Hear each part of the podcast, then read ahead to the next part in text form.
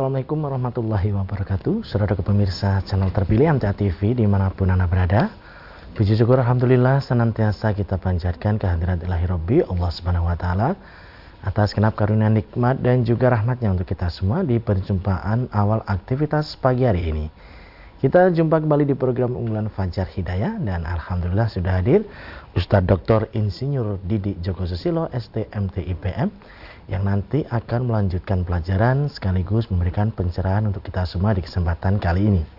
Assalamualaikum warahmatullahi wabarakatuh Ustaz. Waalaikumsalam warahmatullahi wabarakatuh. Kabar baik dan sehat pagi ini Alhamdulillah sehat. Alhamdulillah. sehat Alhamdulillah ya. baik sehat. Alhamdulillah ya. Dan pemirsa nanti bisa bergabung bersama kami di line telepon 02716793000 SMS dan juga di WA kami di 08 11 Mari kita simak pelajaran kita pagi ini. Baik, Bismillahirrahmanirrahim. Alhamdulillah alladzi arsala rasulahu bil huda wa dinil haq liyudhhirahu ala dini kullih walau karihal musyrikun walau karihal kafirun. Satu an la ilaha illallah wahdahu la syarikalah wa satu anna muhammadan abduhu wa rasuluh. Allahumma salli wa sallim wa barik ala Muhammad wa ala alihi wa ajmain kaum muslimin muslimat rahimakumullah. Pertama tentu mari senantiasa kita memanjatkan rasa syukur kita kehadirat Allah subhanahu wa ta'ala. Pada kesempatan pagi hari ini kita masih dibangunkan lagi oleh Allah subhanahu wa ta'ala untuk menjalani kehidupan kita. Tentu sebagai orang yang beriman kita maknakan bahwa kita masih diberi kesempatan oleh Allah Subhanahu wa taala untuk meningkatkan iman kita, untuk meningkatkan amal soleh kita sebagai bentuk wujud ya penghambaan diri kita kepada Allah Subhanahu wa taala. Orang-orang yang beriman meyakini bahwa dia dihadirkan oleh Allah Subhanahu wa taala dalam kehidupan di dunia ini untuk mengabdi, untuk menghamba kepada Allah Subhanahu wa taala. Maka tidak ada pilihan lain kecuali mengabdi, menghamba, taat kepada Allah Subhanahu wa taala senantiasa berusaha terus menerus melaksanakan perintah-perintah Allah Subhanahu wa taala dengan segenap kemampuan kita dan pada saat yang sama berusaha untuk menjauhkan diri dari hal-hal yang dilarang oleh Allah Subhanahu wa taala. Memperbaiki diri dari kesalahan-kesalahan yang kita lakukan di masa-masa yang lalu, di hari-hari yang kemarin.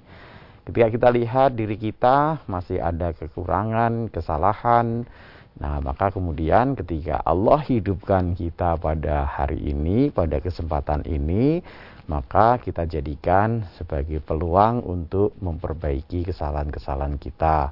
Berhenti dari kesalahan-kesalahan yang kita lakukan, kemudian mengiringi kesalahan-kesalahan kita dengan kebaikan-kebaikan. Mudah-mudahan kebaikan-kebaikan yang kita lakukan nanti bisa menutup bisa menghapus kekurangan, kesalahan yang kemarin kita lakukan. Karena kita lalai, karena kita alfa dan seterusnya begitu. Maka mari dengan melalui sarana apa namanya uh, siaran eh, MTA TV ini ataupun melalui radio Persada menjadi pengingat untuk kita. Perbaiki diri, evaluasi diri gitu ya tidak usah melihat orang lain, tetapi tentu kita lihat diri kita masing-masing. Ternyata kita masih banyak kurang ini. Ternyata kita masih banyak salah ini. Maka hari ini, pagi ini kita azamkan, kita niatkan hari ini kita akan memperbaiki diri kita. Nah, kaum muslimin, muslimat, rahimakumullah, kita bersyukur bahwa kita saat ini masih berada di bulan Ramadan tetapi tentu kita tahu bersama bahwa kita ini sudah berada di akhir bulan Ramadan.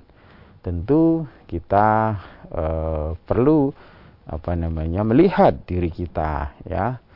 Kalau e, kita perhatikan e, kemampuan kita menahan rasa lapar, menahan rasa haus, menahan syahwat berkumpul suami istri dari fajar sampai maghrib kalau sudah di akhir-akhir bulan Ramadan ini tentu kita rasakan mungkin sudah tidak terasa berat sudah tidak seperti ketika di puasa hari pertama, hari kedua, hari ketiga begitu.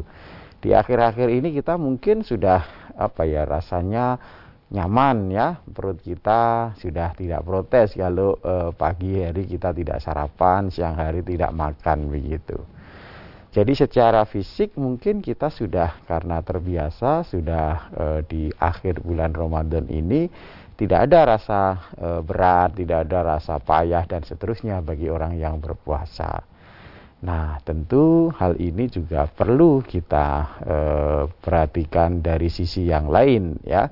Karena setiap ibadah ya, syariat ibadah yang Allah berikan kepada hambanya tentu tidak hanya e, berangkat dari e, pelatihan atau e, aktivitas fisik saja.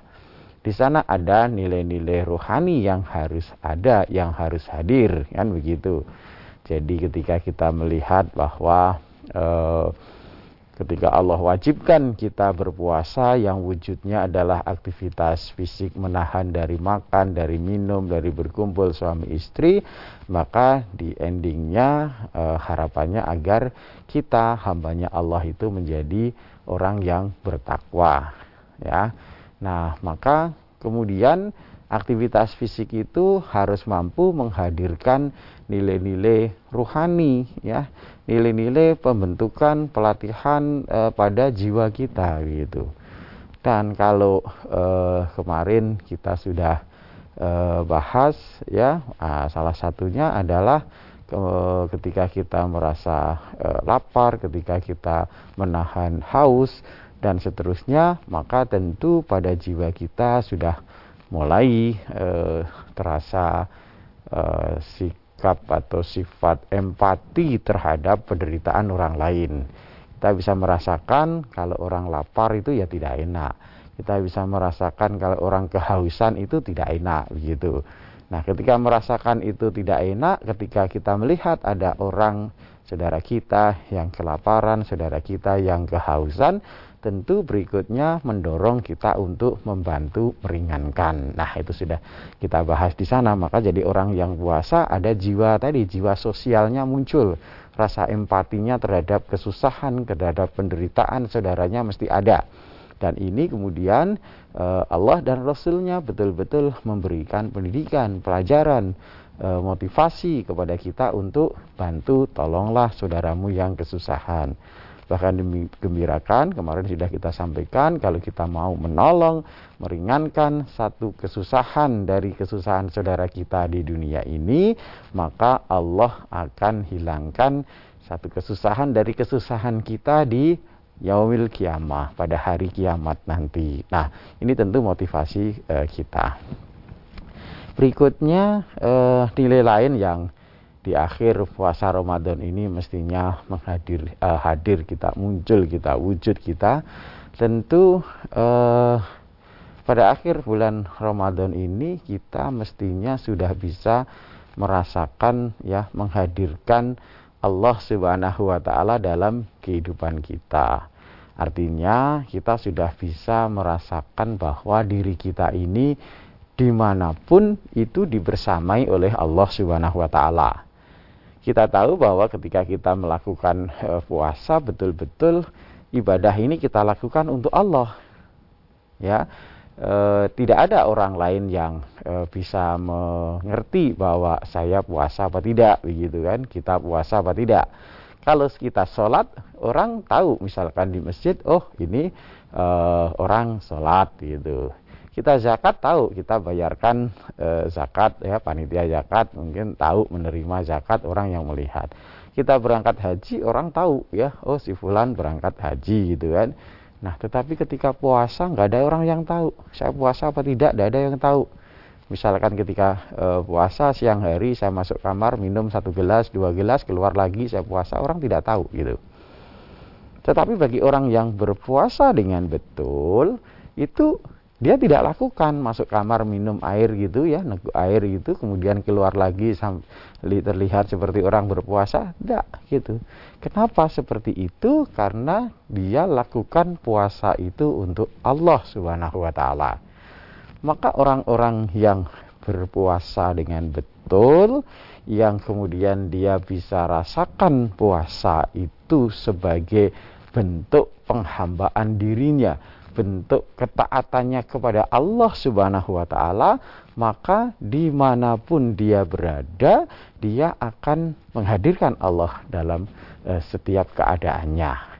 Sehingga dia ketika berbuat, beramal, nanti yang menjadi pertimbangan bukan temannya, bukan istrinya, bukan suaminya, ya, bukan kelompok ngajinya, tetapi Allah Subhanahu wa taala.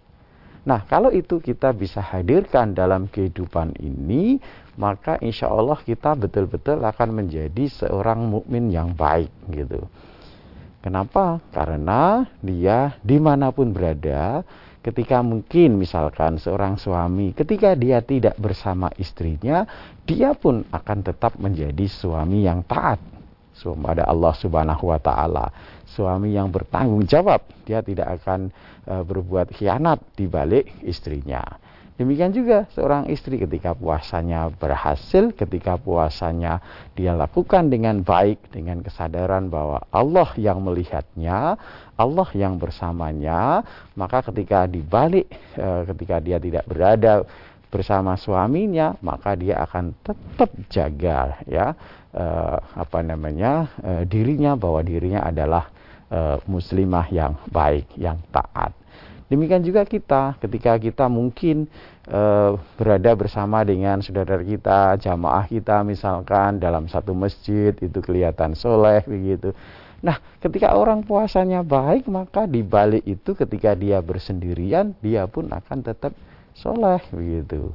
Nah, kita bisa belajar dari ketika uh, di bulan Ramadan ini di sepertiga malam yang akhir kita bisa bangun ya karena termotivasi oleh uh, nasihat Rasulullah sallallahu salam man qoma ramadhana imanan waktu saban barang siapa yang berdiri untuk sholat malam imanan waktu saban karena imannya karena pengharapannya kepada Allah Subhanahu wa taala ghufirallahu ma taqaddama min dambi maka ketika kita sendiri di rumah kita di sepertiga malam yang akhir, kemudian orang-orang pada tidur, kita mau bangun. Karena butuh kita kepada Allah, karena kita ingin bertemu dengan Allah, karena kita ingin memohon ampun kepada Allah Subhanahu wa Ta'ala. Maka di mana pun berada, apakah itu bersama-sama dengan temannya, kalau warga majelis tafsir Al-Quran, ketika dia bersama dengan saudara-saudara ngajinya, atau ketika dia tidak bersama saudara-saudara ngajinya ketika mungkin dia bertugas di satu daerah yang tidak ada yang kenal, tidak ada yang eh, tahu dia itu oh, warga majelis tafsir Al-Quran, dia tetap taat kepada Allah. Dia tidak kemudian melupakan dirinya bahwa dia itu adalah orang yang ngaji, yang ngerti tuntunan, yang ngerti aturan Allah gitu. Maka dia tetap taat kepada Allah, baik dalam keadaan bersama-sama dengan saudaranya ataupun ketika dia bersendiri. Karena dia yakin bahwa Allah senantiasa bersamanya gitu. Dan ini dididik dilatih ketika puasa ketika dia kita ketika kita sendiri kita tetap dalam keadaan berpuasa tetap menjaga diri menahan diri dari makan dari minum dari berkumpul suami istri begitu. Dan ketika ketika kemudian bertemu dengan orang halayak dia pun juga tetap jaga jadi tetap konsisten gitu. Merasakan bahwa Allah bersamanya, Allah e, memperhatikannya, Allah melihatnya begitu. Nah, ketika e, rasa itu bisa kita hadirkan, insya Allah kita akan betul-betul ya menjadi orang yang konsisten di dalam taat kepada Allah Subhanahu wa taala.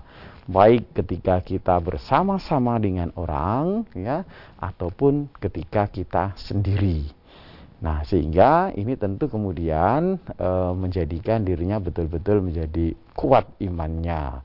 Ketika dia akan melakukan sesuatu atau tidak melakukan sesuatu, maka referensinya atau rujukannya adalah e, Allah bagaimana begitu ya karena dia bersama dengan Allah Subhanahu wa taala ya ya. Jadi e, ketika akan misalkan ya beramal mengambil satu e, tindakan sesuatu maka ini Allah ridho apa tidak gitu.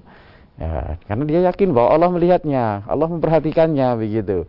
Meskipun mungkin keluarganya tidak ada tidak bersamanya istrinya anaknya tidak bersamanya. Meskipun mungkin teman-teman ngajinya tidak bersama dengannya tetapi dia yakin bahwa dia dibersamai oleh Allah Subhanahu wa taala gitu ya. Ya, maka kemudian dia akan ambil eh, amal-amal uh, atau perbuatan-perbuatan yang mendatangkan cintanya Allah, ridhonya Allah. Kalau perbuatan itu nanti mendatangkan uh, murkanya Allah gitu, ya walaupun dia sendiri keluarganya nggak ada yang melihat istrinya tidak tahu anaknya tidak tahu begitu atau teman-teman ngajinya tidak tahu dia tetap akan tinggalkan kalau perbuatan itu memang perbuatan maksiat kepada Allah Subhanahu wa taala. Nah, ini yang harus ada pada diri kita.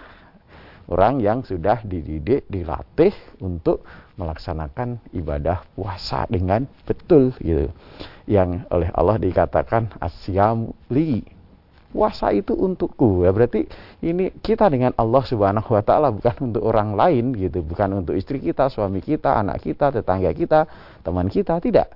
Tapi untuk kita dengan Allah Subhanahu wa taala. Nah kalau ini kita bisa bawa nanti dalam segala aktivitas kita maka insya Allah kita akan betul-betul menjadi orang yang istiqomah gitu Baik ketika kita berkumpul bersama dengan keluarga kita, ataupun bersama dengan saudara kita jamaah di masjid, ataupun ketika kita bersendiri di mana pun kita berada. Maka pesannya Nabi Sallallahu Alaihi Wasallam, ittaqillaha haitsuma kunta. Bertakwalah kamu di mana saja kamu berada. Nah kalau ini kita bisa tunaikan, insya Allah iman kita akan senantiasa terjaga, ya, dengan keyakinan bahwa apa yang kita lakukan ini semuanya untuk Allah Subhanahu wa taala dan Allah Subhanahu wa taala senantiasa membersamai kita, senantiasa bersama kita di mana saja kita berada. Demikian mungkin mudah-mudahan bisa mengingatkan kita bersama. Ya.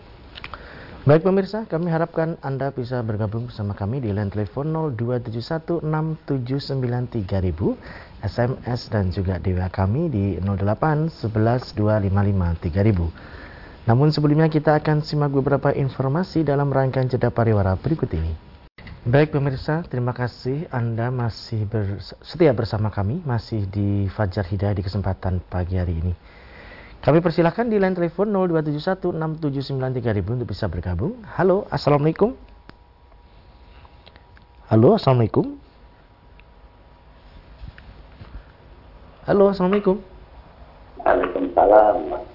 Assalamualaikum Pak Waalaikumsalam warahmatullahi wabarakatuh. Dengan siapa di mana Bapak? Pak Wasinya di Pekanbaru. Ya, silakan. Pertanyaannya Pak. Menanyaannya puasa sepul mengerjakannya dengan terawih sekalipun tidak itu macam mana pakaiannya oh, gimana, gimana? bisa diulangi bapak pelan-pelan ini suaranya putus-putus di sini puasa yaitu full satu bulan misalnya puasa ya pak ya? Cuman, ya puasa Iya, puasa itu misalnya satu bulan ya full. Oh, iya, iya. iya. terawih salat terawih sekalipun tidak itu macam mana? Hmm, ya. ya. Pada dia itu. Ya. ya. Kemudian? Ya, baik. Ya, terima kasih. Ya, jadi puasa satu bulan full. Full ya. ya. Kenapa satu bulan full? Ya, karena puasa itu kewajiban. Ya, puasa Ramadan itu adalah e, puasa yang diwajibkan oleh Allah Subhanahu Wa Taala kepada orang-orang yang beriman, gitu kan? di surat Al-Baqarah ayat 183 itu kan eh, Allah berfirman A'udzubillahi minasyaitonirrajim ya ayyuhalladzina amanu kutiba alaikumusiyam kama kutiba alal ladzina min qablikum la'allakum tattaqun gitu kan ya jadi oh, memang ini diwajibkan ya kalau namanya wajib ya dan ini dikuatkan ketika ada seorang bertanya kepada Rasulullah sallallahu alaihi wasallam Wahai Rasulullah, apa yang Allah wajibkan kepadaku dari puasa gitu. Nah, maka dijawab oleh beliau uh, siam Ramadan, puasa Ramadan. Uh, yang lain-lain itu tatawu atau sunnah ya. Puasa tiga hari tiap bulan itu tatawu sunnah. Puasa Senin Kemis itu tatawu sunnah. Puasa Daud itu sunnah. Jadi yang wajib ya, puasa Ramadan. Jadi kalau tidak dilakukan maka dosa orang yang beriman mengaku beriman ya kalau kemudian tidak puasa Ramadan ya, dipertanyakan imannya gitu loh Allah, Robmu, Tuhanmu mewajibkan untuk puasa Ramadan, kamu tidak lakukan, nah, maka dosa haram gitu. Maka dia betul tadi puasa eh, eh, satu bulan dilakukan. Nah kemudian eh, sholat taraweh. Sholat taraweh itu bagian dari sholat lail, sholat malam. Nah dari sholat yang Allah fardukan adalah sholat lima waktu gitu. Sholat lima waktu, subuh, duhur, asar, maghrib, isya, gitu kan. Tidak termasuk sholat lain, sholat taraweh, gitu kan. Ya, maka ketika dia lakukan yang fardu, ya, sholat lima waktu, maka dia sudah betul, gitu. Kalau sholat taraweh atau sholat lail, sholat malam, sholat tahajud dan seterusnya, sholat witir begitu, itu hukumnya adalah sunnah, gitu kan. Sunnah itu adalah perbuatan yang kalau dilakukan dia mendatangkan pahala, tapi kalau tidak dilakukan dia tidak apa-apa. Meskipun sunnah-sunnah ini tentu menjadi satu amal yang bisa mendekatkan kita kepada Allah gitu. Jadi Allah mencintai hambanya yang mendekatkan diri kepada Allah dengan amalan-amalan sunnah itu. Kalau seorang hamba itu melakukan amalan-amalan sunnah, tentu amalan wajibnya, fardunya sudah ditunaikan gitu. Ketika wajib pokok ya, karena kalau pokok wajib itu tidak ditunaikan dia berdosa, maka ada rasa takut nih, rasa khawatir ini kalau saya dapat dosa dari Allah, gitu kan.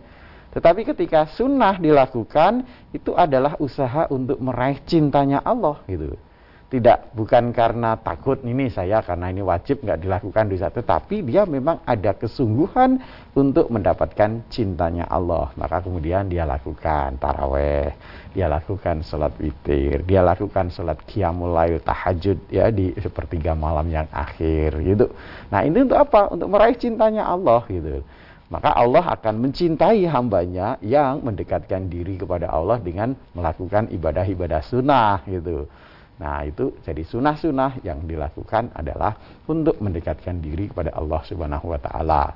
Seperti tadi, kita tidak boleh me, apa ya? Fonis misalkan Mas Tommy ini selama bulan Ramadan ratau tarwah di masjid, nggak pernah tarwah di masjid itu misalkan. Nggak boleh kita begitu.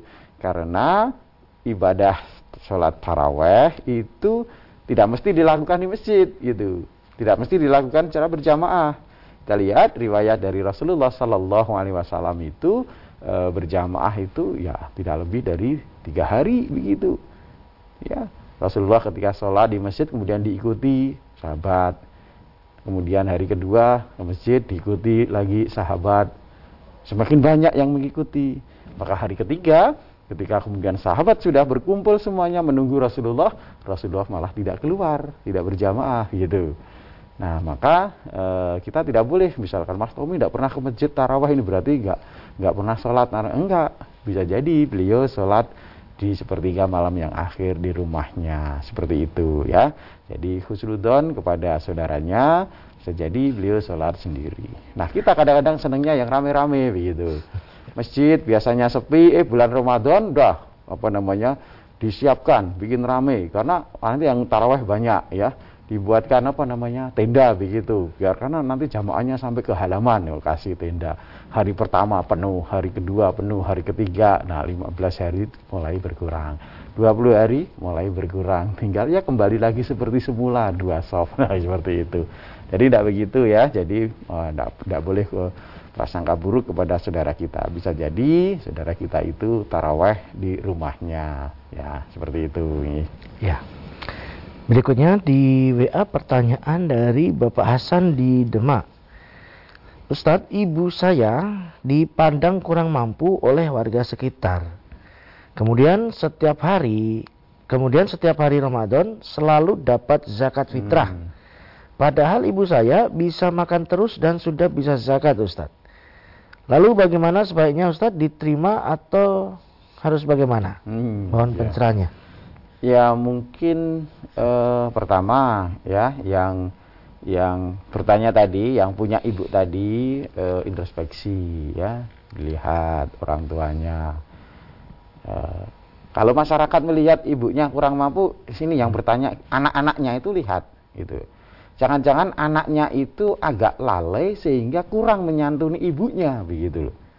Sehingga tiap hari ibunya kelihatan apa namanya mungkin minta makan pada tetangganya, mungkin karena putranya rumahnya agak jauh gitu ya, mungkin kurang perhatian begitu. Jadi kelihatan ibunya seperti orang susah begitu.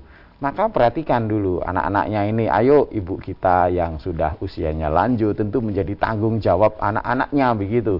Baik itu makannya maupun pakaiannya, kebutuhan sehari-harinya begitu. Jadi kebutuhan mungkin e, tidak hanya kebutuhan makan saja ya, kalau tadi disampaikan tiap hari sebenarnya bisa bisa makan. Tapi lihat pakaiannya, wah ibu saya sih bisa makan tapi kelihatan pakaiannya compang camping begitu. Ketika kelihatan pakaiannya compang camping masyarakat melihat wah ini orang miskin ini begitu. Makanya kemudian dikasih zakat. Maka kalau kita punya orang tua Allah bebankan Allah wajibkan kita sebagai anak bekti pada orang tua salah satunya adalah ketika orang tua kita berusia lanjut tanggung kehidupannya. Tanggungnya tidak hanya sekedar makannya, tentu kebutuhan yang lain-lain juga, pakaiannya, ya, e, kemudian e, ikrom kita ke mana-mana lah, anaknya ke mana-mana naik mobil, ibunya ke mana-mana mau jalan kaki susah, minta tolong tetangga diantar dan seterusnya begitu. Nah itu tentu anaknya kurang perhatian seperti itu. Jadi pertama gunakan itu untuk introspeksi. Jangan-jangan kita anak kurang menyantuni orang tua. Istighfar mohon ampun pada Allah Subhanahu Wa Taala perbaiki kalau anaknya mampu ya ibunya makannya cukupi, tampilannya pakaiannya juga beri belikan pakaian baju yang bagus sehingga kelihatan oh ini ibu ini mampu sehingga masyarakat kemudian tidak memberikan zakat kepada ibu tadi. Kemudian yang kedua, kalau memang kebutuhan ibunya sudah tercukupi dari anak-anaknya, sudah punya kemampuan seperti itu, kemudian diberi zakat oleh panitia karena kelihatan oh di rumah itu sudah tua, eh, gitu. Kadang-kadang panitia masjid itu melihat oh orang tua itu mesti tidak mampu begitu, tidak begitu. Ketika orang tua tetapi anak-anaknya Allah beri kekayaan, kemudian anak-anaknya mau menanggung kehidupan orang tuanya, ibu itu kaya begitu loh. Kenapa? Karena anak-anak itu kan hartanya orang tua. Jadi kalau anak-anak itu kaya, maka orang tua itu harusnya kaya. Tetapi kadang-kadang di masyarakat kita anak-anak lupa gitu, gitu sehingga e, ketika e, ibunya sudah berusia lanjut atau orang tuanya berusia lanjut taruh di panti jompo, sehingga kelihatan orang tidak mampu begitu, sehingga orang susah gitu.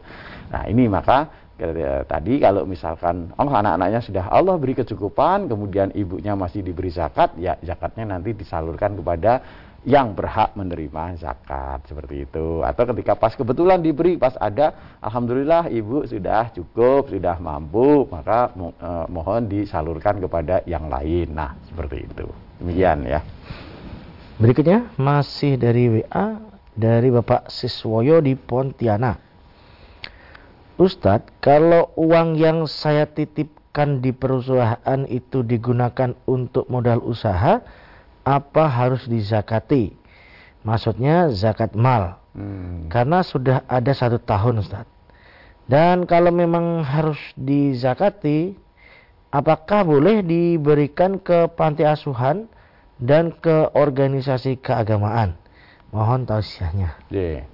Jadi eh, tadi uangnya diberikan ke perusahaan kemudian dikembangkan atau diusahakan. Artinya seperti penyertaan modal begitu iya. kan ya. Pernyataan modal seperti modal usaha. Nah, modal usaha itu disakati sekali ya. Misalkan eh, saya sertakan modal 100 juta gitu ke satu perusahaan, maka 100 juta itu disakati eh, sekali sebagai modal usaha. Kemudian berikutnya yang dizakati eh, adalah keuntungannya ya. Kalau kemudian e, di dalam e, usaha perusahaan itu ada untung, Bapak menjadi e, mendapat bagian dari keuntungan, maka keuntungannya dizakati dua setengah persen seperti itu. Nah, kalau kemudian zakat disalurkan ya ikuti apa yang e, Allah tetapkan dalam Quran surat At-Taubah ayat e, 60 itu bahwa zakat itu untuk orang fakir, untuk orang miskin ya untuk e, ibnu sabil untuk sabilillah untuk mualaf untuk amil untuk urim untuk memerdekakan e, budak ya. Nah, sabilillah tentu jalan-jalan Allah Subhanahu wa taala gitu ya. E, sabilillah itu bisa orang bisa tempat ya yang memang digunakan untuk uh, meninggikan kalimat Allah Subhanahu wa taala seperti itu untuk uh, memenuhi jalan-jalan yang diperintahkan oleh Allah Subhanahu wa taala. Seperti itu ya. Uh, jadi kalau tadi misalkan uh, memang panti asuhan itu uh, untuk operasional, untuk mengelola itu uh, kemudian di apa namanya ditata, dikelola untuk menyantuni anak-anak uh, yatim yang orang-orang yang uh, membutuhkan dan seterusnya ya tentu menjadi bagian dari uh, sabilillah begitu sabilillahnya. Jadi bukan bukan untuk anak yatim begitu kan ya karena kalau uh, anak yatim mungkin belum tentu anak yatim itu termasuk fakir termasuk miskin gitu ya. Tetapi ke jalan-jalan uh, sabilillahnya demikian ya. Masih dari WA atau SMS dari Bapak Sumanto di Kota Jambi. Yang pertama, pada saat traweh, sholat witir, imam baca kunut. Hmm. Saya tidak ikut membaca karena saya belum tahu tuntunannya. Yang demikian sikap saya betul atau tidak Ustadz? Hmm. Kemudian yang kedua, di antara sholat traweh ada bacaan sholawat Nabi. Ah. Dan saya diam saja karena belum tahu ilmunya. Apakah ada tuntunannya Ustadz? Okay. Yang ketiga, Zikir sesudah sholat itu apakah harus dibaca setiap sholat wajib atau setiap sholat termasuk sholat sunat? Hmm. Yang dimaksud adalah zikir yang ada di buku MTA tuntunan ibadah sholat Ustaz. Ya. Demikian. jadi sudah betul tadi yang pertama ya. Eh, Allah perintahkan kepada kita surat Al-Isra ayat 36 itu wala taqfu ma bihi ilmun kamu jangan mengikuti sesuatu yang kamu tidak punya pengetahuan tentangnya gitu. Jadi kalau tadi misalkan oh di witir baca kunut subuh eh, doa kunut itu kita tidak tahu ya kita tidak usah ikuti gitu. Nanti ketika tahu ilmunya, ketika tahu tuntunannya silahkan diikuti. Kita tidak menyalahkan yang tadi witir pakai kunut itu. Tapi yang ditanyakan tadi, oh, saya belum tahu ilmunya, ya jangan diamalkan seperti itu. Ya betul. Kemudian yang Kedua, bacaan-bacaan sholawat eh, apa namanya setelah di sela-sela sholat taraweh itu hmm. ya kita belum pernah temukan tuntunannya dari Rasulullah Shallallahu Alaihi Wasallam dari sahabat. Kita tidak tahu. Karena tidak tahu ya tidak kita amalkan itu yang amalkan ya sudah tahu yang kewajiban untuk eh, apa namanya kemudian e, nanti menunjukkan eh, dalil kan yang yang yang mengamalkan begitu. Karena kita tidak tahu maka kita tidak amalkan. Sepanjang kita ngaji, sepanjang kita belajar, yang ada tuntunannya adalah e, Rasulullah Shallallahu Alaihi Wasallam selesai sholat witir ya, selesai sholat witir beliau membaca Subhana Malikil Kudus, Subhana Malikil Kudus, Subhana Malikil Kudus. Nah itu jadi itu yang ada eh, riwayat eh, Nasai disebutkan seperti itu. Ya kita ikuti saja tiba kepada bagaimana Rasulullah Shallallahu Alaihi Wasallam mencontohkan. Jadi ketika sholat eh, malam, sholat taraweh itu misalkan kemudian e, selesai sholat witirnya baca itu Subhana Malikil Kudus, Subhana Malikil Kudus, Subhana Malikil Kudus. Nah seperti itu. Kalau yang lain kita belum tahu, ya tidak usah diamalkan. Itu Kemudian yang ketiga tadi Zikir Ustaz.